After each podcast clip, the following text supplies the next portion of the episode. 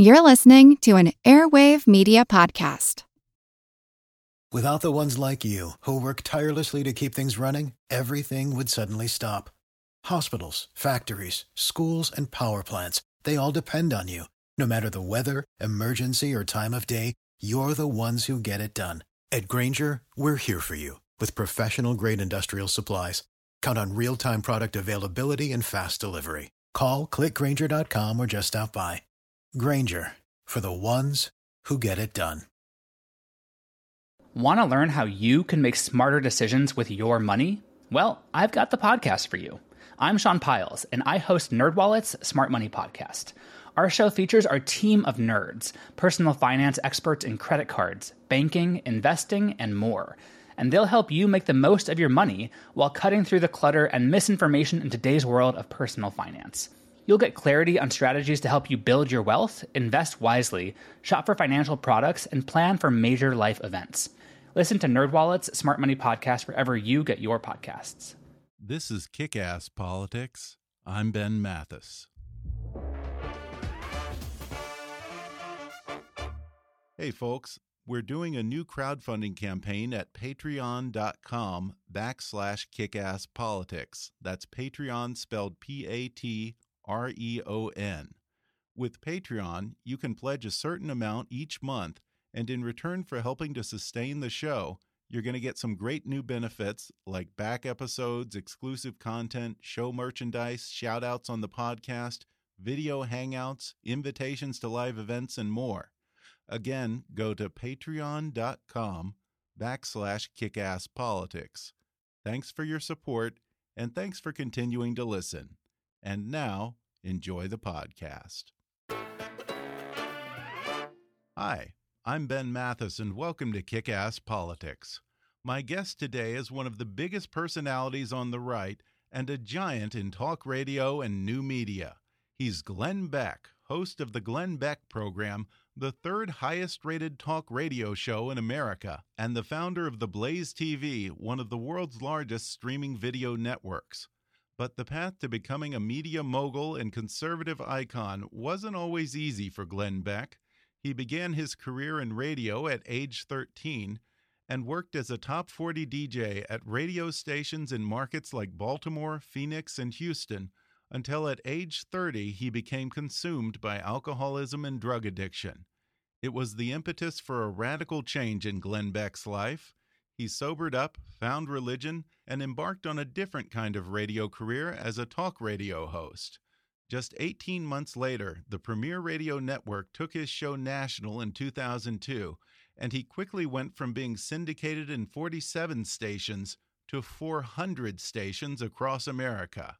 In 2006, Glenn Beck hosted a nightly TV show on CNN Headline News before embarking on a two and a half year stint as host of The Glenn Beck Show on Fox News, which averaged 2 million viewers a night.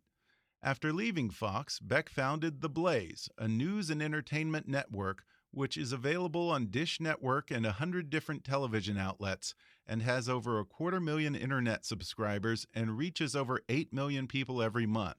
His nationally syndicated radio program has over 7 million listeners a week, and he's received the National Association of Broadcasters Marconi Award for Network and Syndicated Personality of the Year.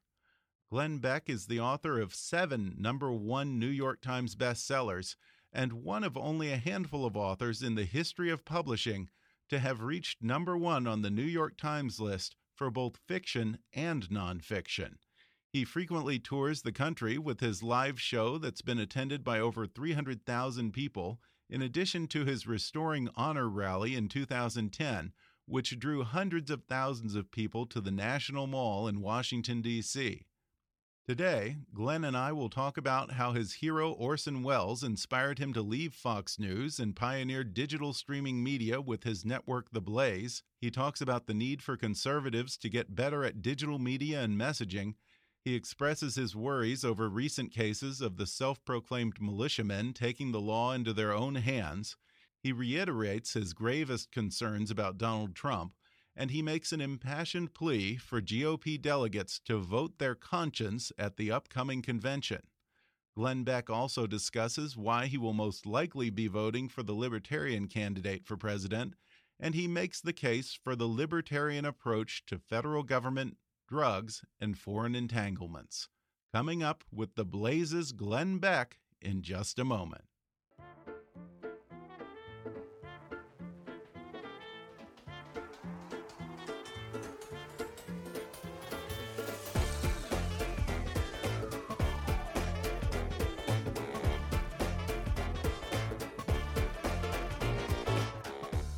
From Hollywood to Washington, it's time for Kick Ass Politics. And now here's your host, Ben Mathis. Today, I'm delighted to be joined by the host of the Glenn Beck radio program and the founder of The Blaze, Glenn Beck. Glenn, How thanks for sitting down with me. I'm bet. great. How are you? I'm very good. Very Welcome to. California. Thank you. It's good to be here. Sorry it's so hot here.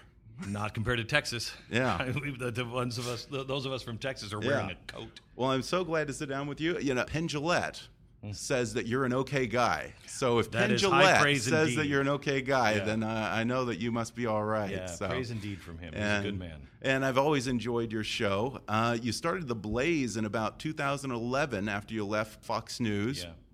I'm assuming that you probably could have gone back to CNN or to other major networks. Why did you decide to strike off on your own and start The Blaze? Because I think the, I mean, I think it's still a bit early, but it, the outlines are becoming very, very clear where they weren't in 2010 and 11. We actually started in 10, laying the Okay. groundwork, but uh, the groundwork, but we announced in 11 and started in 11, um, and it was pretty nuts to do what we did then. yeah. But now you're seeing, you know, the world is going towards Netflix, Amazon, uh, Hulu, all of that stuff. It's it's it's not with the networks, and that Yeah. you know, while they have a lot of power now, that's not the future.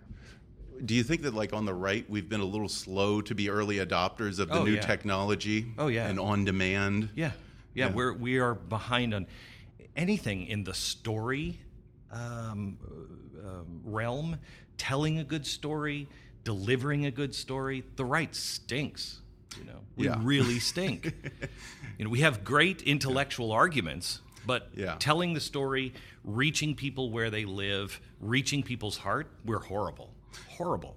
Yeah, I feel like on the right, I've had this conversation with a number of political gurus and campaign people over the years. It's like they say, well, it's the left side to you know to appeal to the heart and the emotional side, and they almost poo-poo it. And I'm like, no, no, no. If you want to reach people, you got to hit them right mean, here in the heart. You can't just we- appeal to their intellect. I don't even understand that. If if- conservatives understand, um, uh, as everybody does, but one of the things that we really focus on is the family. Yeah. You're not going to reach for the heart. That what is a family besides the heart? That's what binds us together. That's what stops us from um, making ground because people think, well, you hate people that you know that aren't working or whatever. No, I no, I don't. I've been there. I know what it is. And if you don't reach people's heart, you look like you have none. And that's exactly where they've painted us.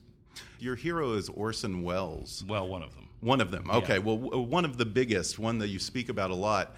Um, in fact, you even named your company Mercury Radio Arts after Welles's Mercury Theater. What is it that you admired about Orson Welles, and maybe that you're even trying to emulate in No, what I don't you're think doing here? I'm, I'm, Orson Welles uh, was my hero at eight years old. Um, I knew I wanted to get into radio. My my mother had told me about radio when I was seven. For my eighth birthday, she gave me a an LP, The War of the Worlds, and I listened to that. And then I listened to his work on The Shadow, and I was just amazed at how you know this is at the time of really crappy top forty radio, and uh, and nobody was doing that. Nobody was telling a great story like that on radio. So I'd never. It opened my mind entirely to a new kind of medium. I loved it more than television because my my everybody's everybody's imagination is far uh, far more vivid than anything on television or anything a movie studio can create. So I knew what I wanted to do because of him. I loved the way he used radio. I loved the way he he used the inflection of his voice. So he in, influenced me on how to tell a good story. But later, as I'm, you know, now in my 20s or mid teens, 20s, I'm fascinated by his time uh, doing Citizen Kane. And if you really understand Citizen Kane, there's so much you can learn from Orson Welles. When he was getting ready to do that, um, he was walking down the streets of New York with John Huston, his partner. And they're walking down the streets of New York, and Orson was number one at theater box office. He was number one on the radio. He Yeah. he was the wunderkind. he was the man, and he's not even 30 yet. CBS wanted him to do another show like The Shadow, and, and he would come into a studio, a radio studio, literally five minutes before, hadn't read the script, and he would say, Okay, what am I this time? You are an 80 year old man, Germany. It's, it's uh, right before the, uh, uh, the First World War, right after the First World War, and now this is happening, and you're angry about this. Got it. Everybody around him knew if he decides to change the script on the fly, you just follow him. And he would create these things on the fly, and they were amazing. So everybody wanted him in radio because he was so good. Well, he's walking down the street and he's got a Broadway show at the Mercury Theater, and um, and that's playing, and they want him to do a radio show at five o'clock on Saturdays. Well, that's right between the two shows. That's downtown New York, and back in those days, that's forever. Okay. Yeah. And so John says, you know, they want you to do this. He said, but you can't do it. And he says, why can't I do it? And he said, because because Orson, you have to be at the theater. And he said, but I can do that. And he said, "No, you- I can't get you there and back in time. Just then, an ambulance went down the street, and the siren was on. And he looked at John and he said, Find out if you need to be sick to ride in one of those. well, you didn't. So they would Yeah, back an ambulance up this. to the theater. Yeah. So what I learned from him, one of the things was never give up. There's always a way. Never say no. There's always a way to get it done and to do it with quality. Yeah. Okay? His team created things that nobody could. Nobody has surpassed Citizen Kane. Nobody has surpassed the vision and the the technological leap that that made. Yeah. And so I really love that. first time director. Correct, correct. And I, I Amazing. love that. I love the way that he he beat the system. He knew nobody wanted to give him all of that control, but he had it in his contract. But he knew if I fall behind on budget or time, they're going to come in and they're going to start telling me what to do. So unbeknownst, unbeknownst to the studios, he went in and he rehearsed his whole cast. He rehearsed the uh, the, the the photographers, the Oh, cinematographers, at his home for the week before, and they got the first day shooting, you know, down like Pat. So the studio head said to Orson, or said to his aide, he was in a meeting, and he said, "You tell me the second they start falling behind." Guy comes in literally an hour into the day, and he said, "They're behind already," and he said, "No, sir, they're already on day number two. that was the end. He got his control. He knew what he had to do. The That's flips, something to aspire to, I'm sure. it is. The flip side of that is I also learned from him what not to do. yeah. When Citizen Kane failed, he couldn't let it go. he could Ah, yeah, never it yeah. it drove him to distraction and he could never let it go. He worked his whole life to right that wrong. And so what I also learned from him is let it go. Let it go. Yeah. Yeah, because he always had a chip on his shoulder. He Yeah. felt that he had been slighted and cheated by the system And and, if the studio. and if he hadn't though he was done still that- successful Right. for years after that, he Right. was still hanging on to that. But imagine Yeah. if Orson Welles would live in our time today, Yeah. Because he Oh, is God. he's the guy of the independent film. Yeah. Imagine without the distribution worries or the Yeah. studio worries, what a guy like that could do today. And there's Yeah. another Orson Welles out there. Yeah, I'm sure there is. Well, where do you see the blaze down the road, say five, ten years from now? We are going to launch uh, Blaze 2.0 this fall, Okay. and uh, I can't say much about it, but it is a totally uh, it's a totally different approach to Yeah. what we're doing now. It won't be uh, the same. Uh, we believe when we first launched, um, we were revolutionary. Um, you know, we won the Tribeca Film Festival Disruptor of the Year award um, because we disrupted what was going on. Yeah, probably not a lot of conservatives get handed No, awarded, awards from at the Tribeca. Tribeca Film no. Festival. But Yeah. then uh, I often say to my staff, I haven't earned that award Yeah. a day since. This year we will. This year we're going to disrupt again, and uh, I'll answer that question once that's out. Fair enough. Well, let's talk politics a little bit. I don't know if you find it perhaps telling about this election that you are now suddenly considered the voice of reason on the right and the cool head among conservatives. I don't know. Am I? I think you are. Honestly, uh, in this environment, I think you are. And one of the things that really gave me a lot of respect for you was when things went down in Nevada with Cliven Bundy and with the Oregon standoff, you were one of the few people on the right who were saying to the militiamen and the people who were out there with their guns, maybe just back off a little bit because the danger is someone's going to get hurt here. And sure enough, you were right. Yeah, and it will spiral out of. Yeah. We have to learn from Martin Luther King, not Malcolm X. We have to learn from Gandhi. It, it Yeah. doesn't work the other way, especially when when everyone wants you to fail. They will. Right. You put a gun. You you're seen with a sniper rifle on the back of a, uh, you know, an FBI guy or you know Yeah. a, a federal agent. You lose. You lose. And again, you you might win the intellectual war, but if you lose the war of the heart, you're done. You're done. Yeah. And uh, And I agree with what they were saying. I Right. agree with what they were standing for. But there's, it seems that there has to be a better place to have that argument. I mean, we do have recourse. This is Yes. still is America. There, we have a, I think, still a respectable legal Yes. system. You know, there are ways to Yes. have these arguments. It's getting worse and, sort it worse. Yeah. But if we are if we're smart, we'll be able to Yeah. make a difference. We're going to take a quick break, and then I'll be back to talk more with Glenn Beck. We'll be back in just a moment.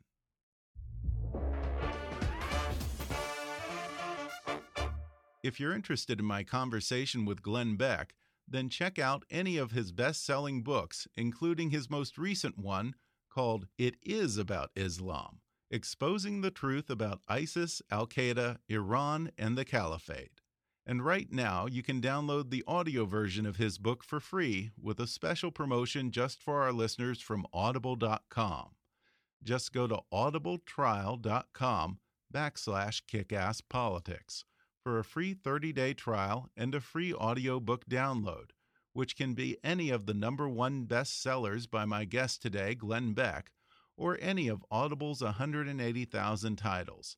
That's audibletrial.com backslash kickasspolitics. Or click on the sponsor link on our webpage to download the free audiobook of your choice. Also, I'd encourage you to check out theblaze.com for all kinds of great content such as podcasts, news, and articles from Glenn Beck and others. And if you like what you see, then click on the subscribe button for a free 14 day trial to the Blaze TV, which will give you access to all kinds of streaming shows, including Glenn Beck's daily television show, and TV shows from other hosts like my previous guest, Dana Loesch. Just go to theblaze.com and click subscribe for your free 14 day trial to the Blaze TV. And now back to more with Glenn Beck. For the longest time throughout the GOP primary, you have been pretty vehemently anti Trump and have said that you didn't think he was a very good representative of conservative values.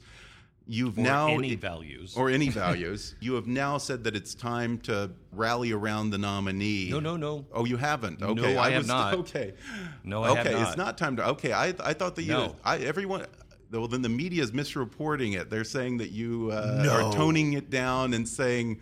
No, uh, here's that what I am we're, saying. We're going to have to accept this as our nominee. Here's what I am saying. Um, you can't break your own rules. Right. So the GOP caused this.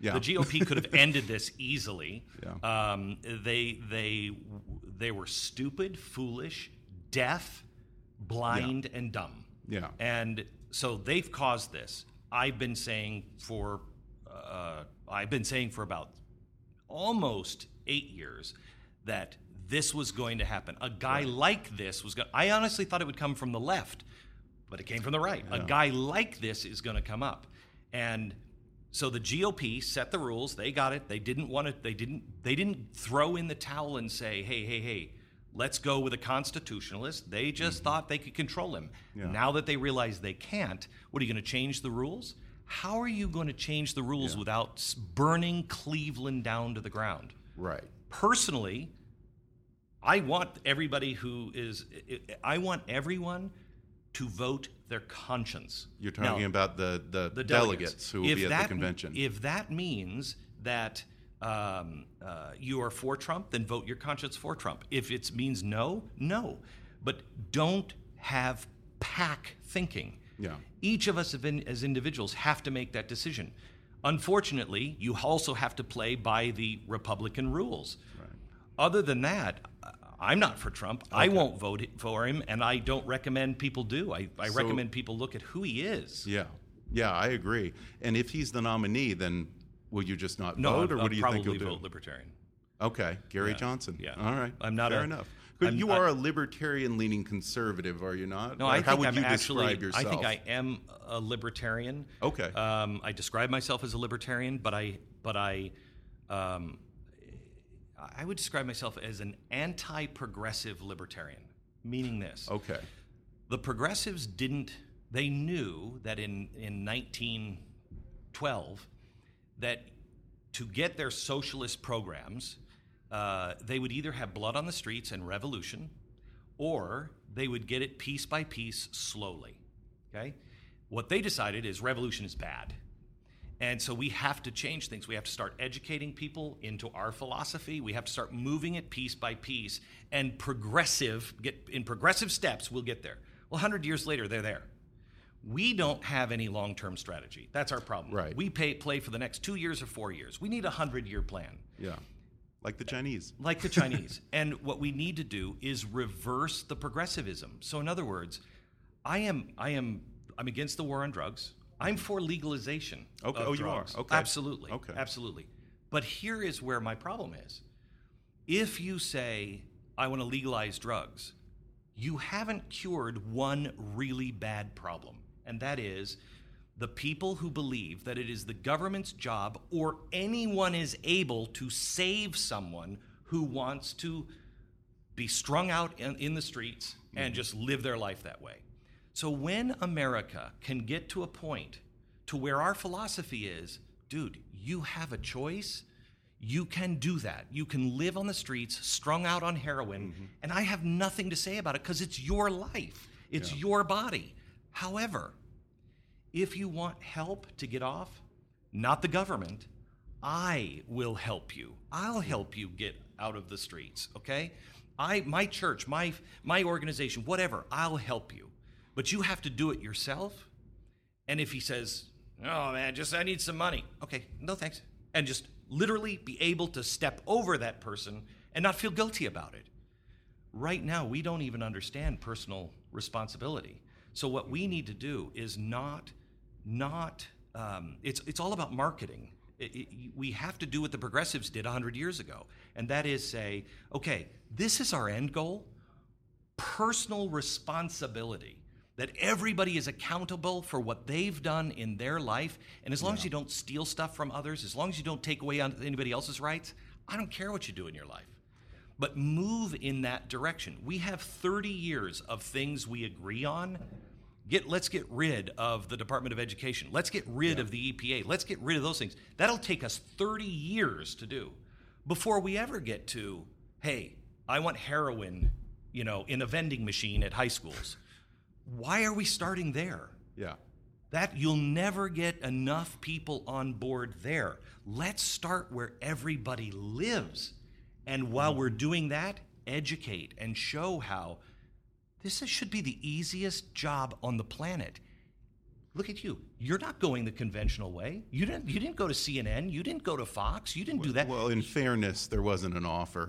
no, but you know what? You know what? We were just in we were just in in in my room with my staff, and we were talking about coming and doing this. And I said, if I were younger, if I would have not, you know, I've done radio for 35 or 40 years. If I didn't do that, mm-hmm. if I were starting today, the last thing I would do is look for a job in any of this. I wouldn't be going Yeah. to C, uh, CNN or Fox and saying, "Hey, I want to get on." That's the old way. Yeah. Your true power is in the sovereignty of the individual, and technology allows you to do that. It didn't in- amazing. in my life. Mine either. Right. When I think back to when I was in high school, you know, wanting to go into movies and stuff, I mean, I would have killed to have the kind of Oh cheap technology available to the average kid today. Orson It's Welles. amazing. He he Yeah. could have done it now. Yeah. And not had any problems and you take the world by storm. This is the most exciting time, I think, in the history of mankind because of the opportunities it um, it presents if we understand and teach ultimate responsibility and sovereignty is with the individual. But that's not going to be an overnight change. That's going to take us to re. There's some of us that find it self evident. But if you look at, I think it was a story in the uh, Telegraph. Um, are we good? Okay. Um, if, if you look, there was a story today, I think, in the London Telegraph that was talking about Brexit.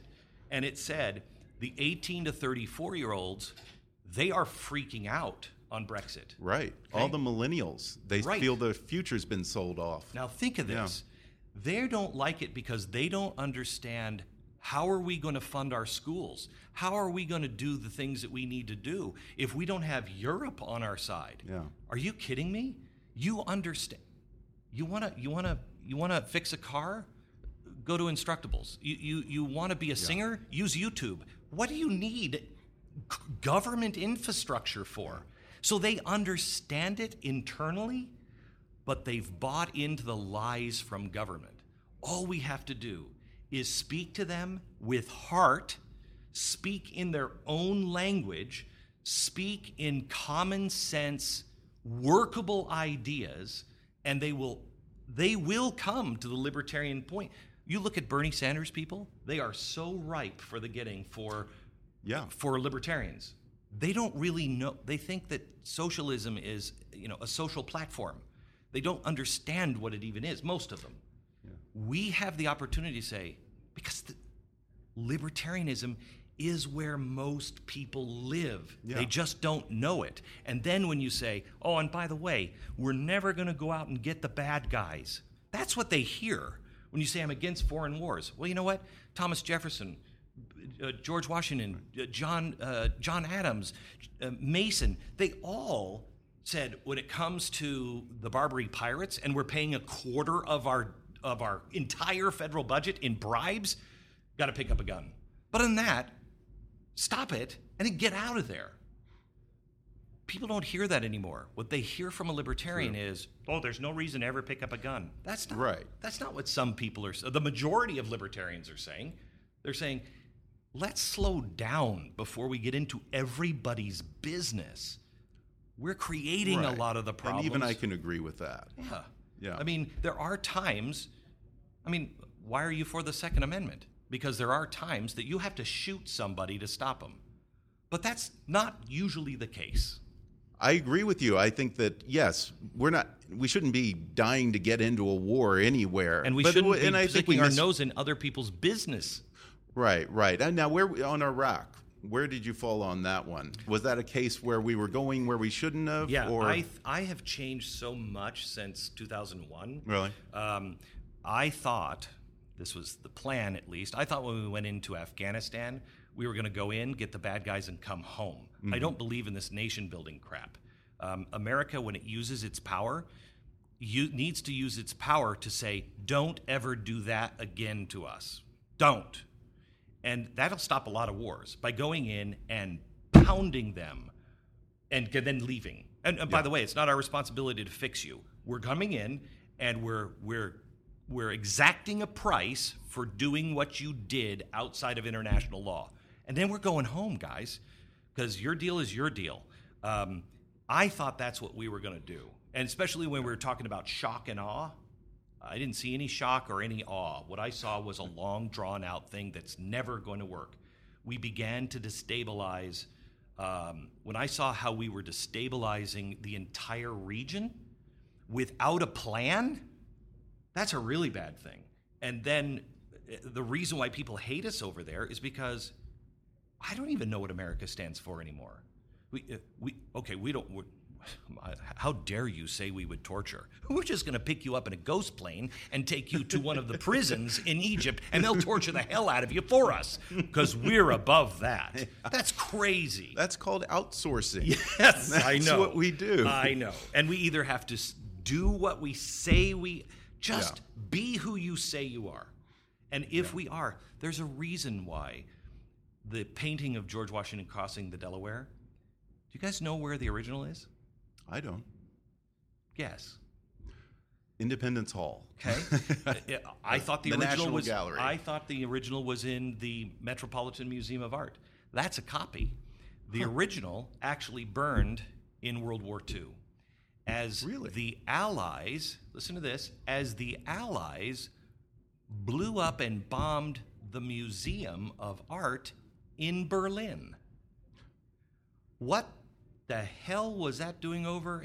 Yeah. because that painting was not it was painted by a german right after the spring of nations and uh, engels and marx in germany released the communist manifesto a german painter who had been over in america said guys that's not the way america's the way they put everybody in the boat. There's a woman, there's a black, there's an Indian, there's three presidents in there. They put everybody in the same boat. That's what we should be doing. So that was a message to them, not us. That's not a glorification of us. Interesting. f- by us. Same I never thing- knew that. Yeah, same thing Wow. with the Statue of Liberty. France didn't. When, when are the French people nice? And by the way, if you're going to give a present, you know, how about you don't give a giant statue in pieces without instructions and without a base and say, "Here you go," and leave it in our park. So they didn't. They weren't doing that for us. They were having the um, the riots of the communes in the uh, late 1800s, and their guys, their freedom-loving guys, said, "How do we talk to people about?" The answer is America. Leave people alone. Just leave people alone. And so they did this fundraiser to build a statue, but it was for France to learn our model. Now, Interesting. at 1900, that's when Theodore Roosevelt says we have a responsibility to, to lead the way in the world. No, the world was already looking to us and saying we should be Right. more like that. Soon as we said we're the greatest and we're going to shove it down your throat, we lost the entire world. Yeah.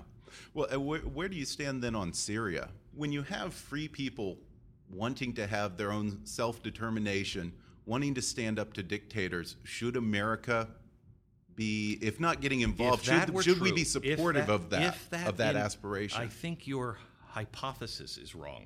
okay. If that were in true, it were true, then we wouldn't have the uh, hundreds of thousands of Syrians fleeing their own country. If if we were taken by a dictatorship, would all of the men and young men be fleeing this country, trying to go to Canada, trying to go to Right. Mexico, or we would, or we would we be holed up someplace, going, "You're going to come through me. I'm taking my country back. You're Yeah. evil." Yeah. They're not fighting for their own country. They're running. Yeah. No, thank you. If you're not willing to fight for it, I'm not. That's a good point. I'm not. point. Yeah. I what- think we should be saving the Christians and the Yazidis and Right. those uh, Muslims who are themselves marked for death. I think we should do something to help them. However, with that being said, what we should be doing is going to Saudi Arabia and saying, "What the hell are you guys doing?"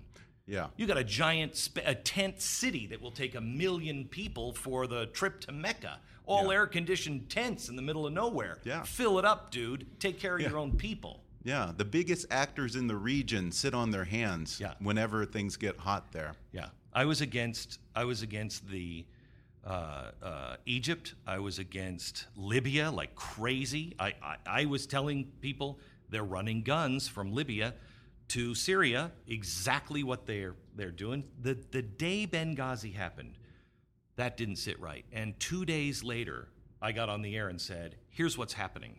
They're running. He was there trying to get guns. They're running them to Syria because they're going to try to topple Assad.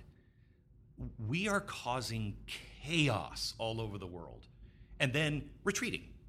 You- Yeah. You, can't do that. Yeah. You can't do that. Yeah. Ball keeps bouncing whether Yes. you're there or not. Right. Well, before we go, then, what worries you about our society these days? Which is a big question to finish Yeah, up with. I, I would know, say, but- I would say, um, I hope you get a chance to see my speech tonight. Um, I think I will. because, Um, uh, that is my search for an answer. Hmm. The, the, the biggest problem we face right now uh, is us. It's ourselves. When you have the Republicans and the Democrats both coming out this week and offering a form, a, a version, each one, a version of we have to limit the scope of the first, second, I contend the third, even quartering of soldiers, the first, second, third, fourth, fifth, sixth, and I think seventh amendment of the Constitution, and nine and ten are already out. You got nothing. You got nothing. And we are arguing over nonsense. We are not arguing over principles. They're arguing which one's going to take more rights away. When you have somebody who, like John Lewis, who was an amazing guy in the time of Martin Luther King, right, think about what- Congressman John Lewis. yeah, think about what he did. He was standing up and saying, I am willing to die for the rights of others. I'm willing. They have a they have a right to these, and it's in your constitution. And he stood for it bravely, hero. That same guy is now doing a sit-in and saying, I'm sitting here because I'm willing to sacrifice with catered lunches. I'm willing to sacrifice to take away people's rights. Yeah, It's a joke and wildly dangerous. yeah. Well, Glenn Beck, thank you so much That's for great. joining me, and Thank you. congratulations on all the success with the Blaze. And I can't wait to see what you do next with it. Thank you. Thank you. God Thanks. bless. Thanks again to Glenn Beck for coming on the show and being so generous with his time.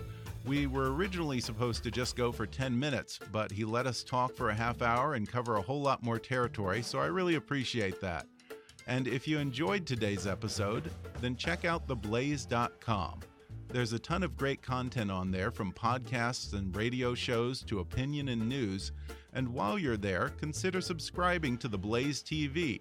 For $9.95 a month or $9.95 a year, you'll get unlimited access to a whole lineup of television shows, including Glenn Beck's daily television show, plus programs with other conservative pundits and heavy hitters on the right, like my previous guest, Dana Loesch, and Tomi Lahren. You can even get a free 14 day trial at theblaze.com. Glenn Beck's best selling books are available on Amazon, or you can download the audio versions of his books for free through that special trial offer just for our listeners at audibletrial.com backslash kickasspolitics.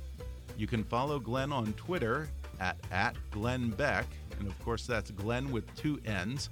And you can find out more about what Glenn's up to, including dates for his live shows and which of your local radio stations carry the Glenn Beck program at glennbeck.com. Please subscribe to Kickass Politics on iTunes and leave us a review while you're there. And you can also help us reach our fundraising goal for the year and get rewarded by donating to our Patreon campaign at patreon.com backslash kickasspolitics. Follow us on Twitter at, at KAPolitics or visit Kickass Politics on Facebook. And while you're there, recommend Kickass Politics to your friends on your social media. And as always, I welcome your comments, questions, and suggestions at comments at kickasspolitics.com. But for now, I'm Ben Mathis, and thanks for listening to Kick Ass Politics.